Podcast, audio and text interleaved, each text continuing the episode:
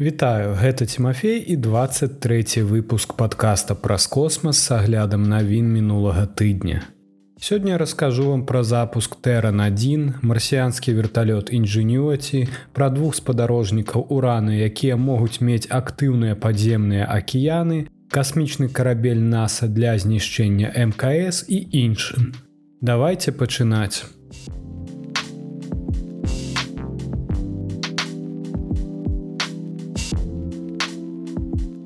Relativity Space ўсё ж запусціла сваю першую ў свеце надрукаваную на 3D прынтары ракету ў гістарычны выпрабавальны палёт. Ракета Relativity Space, якая атрымала назву Тэран1, стартавала са стартавага комплексу 16 на станцыі касмічных сіл на мысе Канаверал у Флорыдзе у 0025 па Грынвічы 23 сакавіка, пачаўшы выпрабавальны палёт пад назвай Goodluck Хэфан. Спачатку Тэран1 працаваў добра. Напрыклад, ён перажыў Макс-Q частку палёта, падчас якой нагрузка на канструкцыю ракеты максімальная. Яго першыя і другія прыступкі паспяхова падзяліліся. Але неўзабаве пасля гэтага прыкладна праз тры хвіліны палёту нешта пайшло не так, і ракета не змагла выйсці на арбіту. Ніхто ніколі не спрабаваў запусціць ракету надрукаваную на 3D прынтары на арбіту. І хоць сёння мы не зрабілі гэта цалкам, мы сабралі дастаткова дадзеных, каб паказаць, што ракеты надрукаваныя на 3D прынтары жыццяздольныя, сказала Арваці Зані Келі з Relativity Space. Мы толькі што завяршылі важны крок, каб даказаць свету, што ракеты надрукаваныя на 3D прынтары канструктыўна жыццяздольныя, дадала яна. Сапраўды, Relativity Space ёсць што адсвяткаваць. Ракеты рэдка працуюць ідэальна падчас свайго першага старту. Напрыклад, новая японская ракета H3 пацярпела няўдачу падчас свайго дэбютнага палёту ў пачатку гэтага месяца. А сузаснавальнік Relativity Space Team Эліс сказаў перад запускам, што мінанне праз MaxQ было ключавым паваротам для іх місіі. Relativity Space, якую Эліс і яго калега па Blue Origin Джоран Нун заснавалі ў 2016 годзе, накіравана на запуск адносна невялікіх карысных нагрузак з дапамогай аднаразовага трохступеньчатага тэран1. Ракета вышынёй 33 метра здольная даставіць да 1250 кілаграмаў на нізкую калязямную арбіту. Па дадзеных Relativity Space яны будуць прадаваць запускі Тэран1 па 12 мільёнаў даляраў за штуку. Па місіі Гудлак Хэфан ракета не несла карыснай нагрузкі. Першая ракета Тэран1 на 85соткаў складалася з надрукаванага на 3D прынтары матэрыялу па масе. Але кампанія імкнецца давесці гэты лік прыкладна да 95соткаў на будучых ракетах. Кампанія ўжо падпісала кантракты на запуск кліентаў на суму 1,65 мільярдаў долараў. Частка гэтых грошаў была забраніравана рэйсамі Тэран1, але пераважная большасць прызначаны для запуску Тэран-R. Гэтая апошняя ракета з'яўляецца буйнейшай, магутнай і шматразовай, якую Relativity Space плануе запусціць у палёт ужо ў наступным годзе. Тэран Ар вышынёй 66 метраў таксама створаны з дапамогай 3D друку. І зможа ён падымаць да 20 тысячаў кілаграм. Тэран 1 служыць першапраходцам і платформай для распрацоўкі на шляху да вытворчасці Тэран Ар. Паведамілі прадстаўнікі кампаніі перад запускам. Relativity Space імкнулася ўвайсці ў гісторыю некалькімі спосабамі. Напрыклад, Тэран1 запраўляецца вадкім метанам і вадкім кіслародам. І ён спрабаваў стаць першай такой метанавай ракетай, якая дасягнула арбіты. І гэта ідзе ў дадатак да першай надрукаванай на 3D прынтары.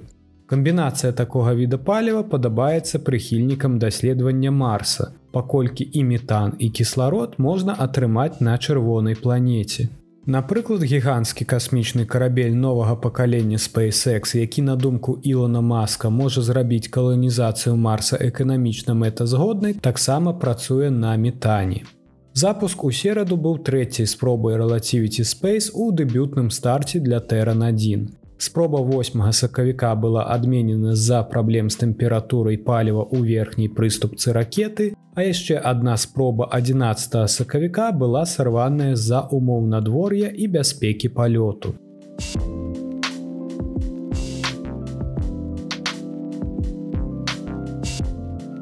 марсіянскі верталёт Ingenuity здзейсніў 48 палёт на чырвонай планеце.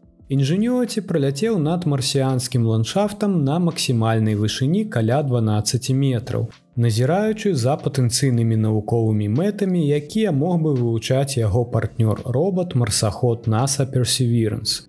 Інжынёці рухаўся з максімальнай хуткасцю 16,7 км гадзіну падчас палёту ў аўторак і пераадолеў гарызантальную адлегласць каля 400 метраў і доўжыўся гэты палёт амаль 150 секунд. Інжынёці, які ў красавіку 2021 года стаў першай машынай, якая здзейсніла палёт з рухавіком у небе чужой планеты, зараз знаходзіцца на шляху да знамінальнага 50 палёту. Сакавік быў важным месяцам для інжынёці і яго аператараў. Мала таго, што ён здзейсніў свае 47 і 48 палёт, яшчэ ў гэтым месяцы будзе роўна адзін зямны год з таго часу, як місія верталёта была працягнута афіцыйнымі асобамі NASAа. Менш за год таму мы нават не ведалі, ці магчымы кіраваны палёт з рухавіком на марсе, сказаў тагачасны навуковы кіраўнік NASAа Томас Зурбухін у сакавіку 2022 года. Інжынёці прызямліўся на паверхню марса разам з персеверан з 18 лютага 2021 года. Аднак верталёт, які важыць менш за 1,8 кілаграмаў, не змог адразу падняцца ў марсіянскае неба. Прыйшлося чакаць, пакуль персеверанс даставіць яго на прыдатны аэрадром на марсе. Марсаход дасягнуў такога месца ў красавіку 2021 года, якое навукоўцы назвалі поле братоў райт. У гонар піянераў авіяцыі арвіла і уилбура райтаў, якім прыпісваюць першы кантраляваны устойлівы палёт самалёта на зямлі 17 снежня 1903 года. У свой 58 зямны дзён на чырвонай планеце інжынюеці здзейсніў свой дэбютны палёт. Падчас палёту інжынюеці падняўся на вышыню ўсяго 3 метра, застыўшы ў разрэджанай мерсіянскай атмасферы амаль на 40 секунд, але не рухаючыся гарызантальна, а прызямліўшыся ў тым жа месцы, адкуль ён стартаваў. Усяго праз тры тыдні 22 красавіка 2021 года верталёт здзейсніў свой другі палёт і першую гарызантальную прагулку на марсе. Праляцеўшы пры гэтым 4 метры на вышыні 5 метраў і застаючыся ў паветры каля 52 секунд. Паводле часопіса палётаў на момант свайго апошняга палёта інжынёці пераадолеў у агульнай складанасці каля 11 тысяч метраў па марсіянскім ландшафце. Верталёт дасягнуў максімальнай вышыні 14 метраў і развіў максімальную хуткасць каля 21,6 кіметра ў гадзіну. Яго агульны час у паветры складае каля 84 хвілін. Дасягненне такіх подзвігаў на чырвонай планеце сапраўды патрабуе асаблівага майстэрства. Мала таго, што інжынюці павінен быў быць лёгкім, але дастаткова трывалым, каб вытрымліваць суровыя умовы Марса. Верталёт таксама павінен быў мець дастатковую магутнасць, каб узляцець у марсіянскай атмасферы, якая ўсяго на адзін адсотак таўсцей зямной. Гэтая магутнасць забяспечваецца лопасцямі, якія круцяцца ў супрацьлеглых накірунках з хуткасцю каля 2500 абаротаў у хвіліну. Для параўнання лопасці сярэдняга верталёта на зямлі круцяцца з хуткасцю ад 400 до 500 абаротаў у хвіліну. Інжынюці і персеверанс даследуюць вобласць Марса вядомую як кратер Джзіру. Вобласць на старажытным дне возера і дэльту ракі, якія каля трох з палавінай мільярдаў гадоў назад змяшчалі шмат вады. NASAа выбрала джезіраў для місіі персеверанс галоўнай мэтай з-за таго, што ў мінулым у кратары магло быць жыццё.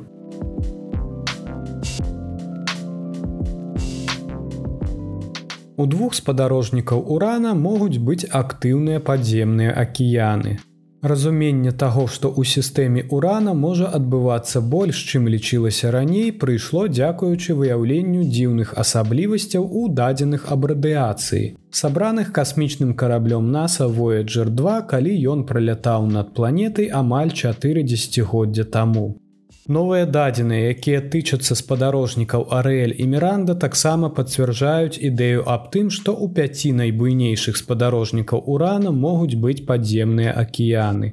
Даследчая група вывучыла радыяцыйныя і магнітныя дадзеныя, сабраныя касмічным караблём у 1986 годзе, задоўга да таго, як ён выйшаў за межы сонечнай сістэмы.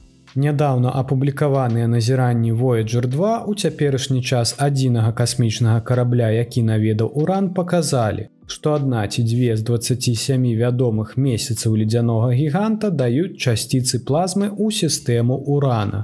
Гэтае выяўленне адбылося ў выглядзе захопленых энергетычных часціц, якія заўважыў касмічны карабель, калі ён пакідаў ледзяны гігант.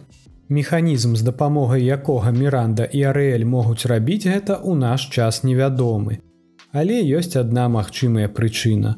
Адзін або два ледзяныя месяцы могуць мець вадкі акеан пад змёрзлай паверхняй, які актыўна выкідвае шлейфы матэрыялу ў космас. Падобныя месяцы, якія выпускаюць часціцы, існуюць вакол Нептуна і газавых гігантаў Юпітера і Сатурна. У выпадку са спадарожнікам Юпітера Еўропы і спадарожнікам Сатурна Энцелат менавіта вывучэнне дадзеных аб часціцах і магнітным полі дало першыя думкі, што гэта акіянічныя спадарожнікі. Атрыманыя дадзеныя толькі ўмацоўваюць жаданне навукоўцаў планетолагаў адправіць касмічны карабель да урана і Нептуна для збору дадатковых дадзеных. Што прывяло да прапановы флагманскай місіі на уран коштам 4,2 мільярда даляраў у якасці наступнай буйной планетарнай місіі NASAа. Але, на жаль, гэтая місія не будзе гатова да запуску да пачатку 2030х гадоў. Таму тым часам даследчыкі вяртаюцца да старых дадзеных сабраных падчас пралёта Voyager 2, каб зрабіць новыя адкрыцці. Спатрэбіцца сабраць больш дадзеных з вобласці вакол урана, перш чым навукоўцы змогуць канчаткова вызначыць, што часціцы паходзяць з-пад паверхневых акіянаў Арэля або Міранды.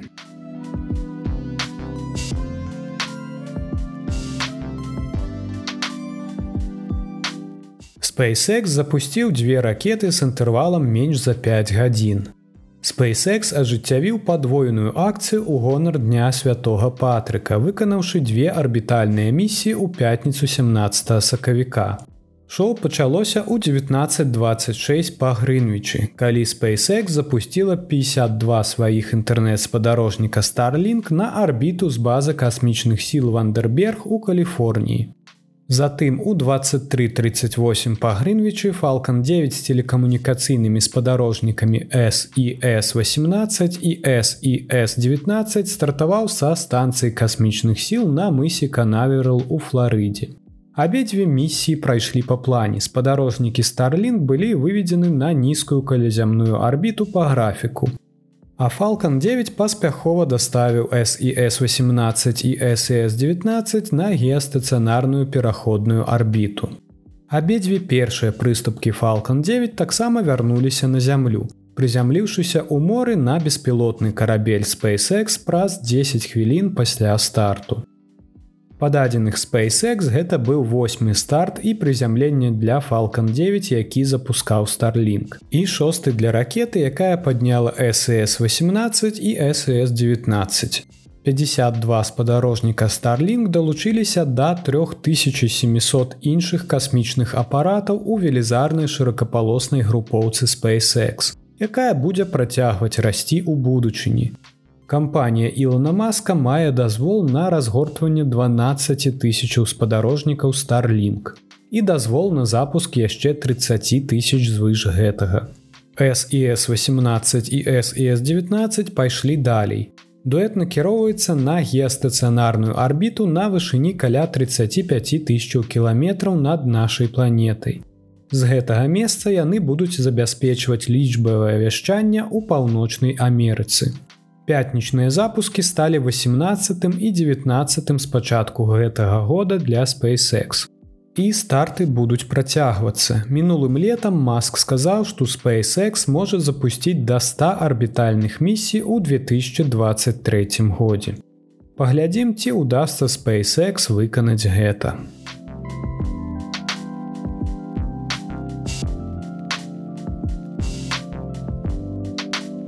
NASA імкнецца распрацаваць свой касмічны карабель, здольны накіраваць МКС на кантраляванае знішчэнне ў атмасферы зямлі, калі час яе знаходжання на арбіце скончыцца. Агенцтва не хоча спадзявацца выключна на расійскія грузавыя караблі для вываду з арбіты міжнароднай касмічнай станцыі.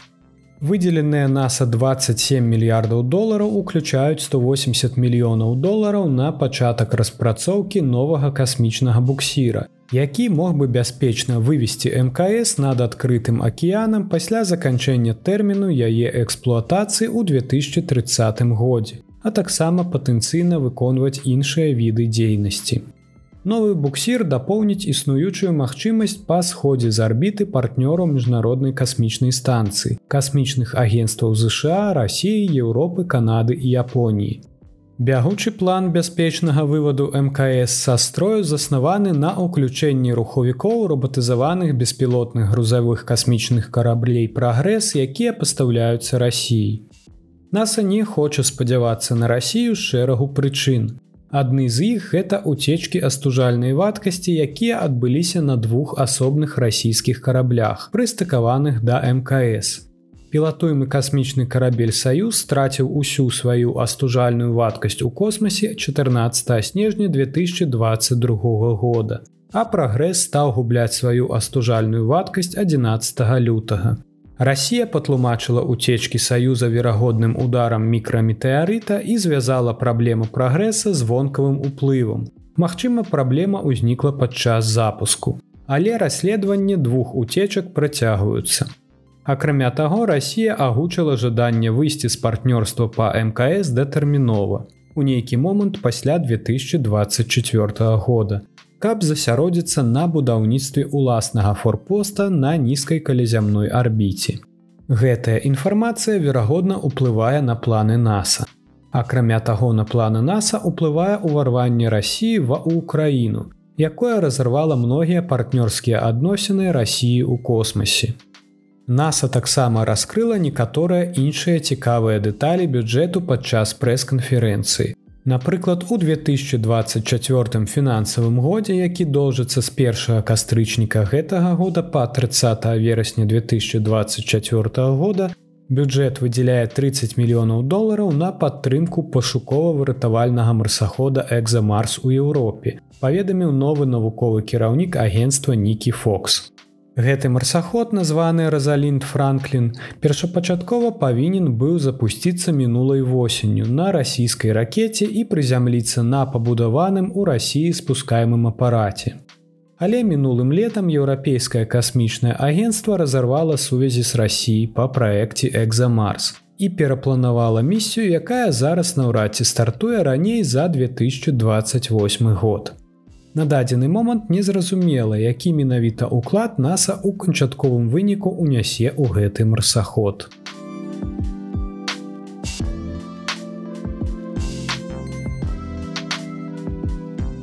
Гэта ўсе навіны, пра якія я хацеў распавесці вам у выпуску. Цяпер пагаворым аб падзеях наступнага тыдня.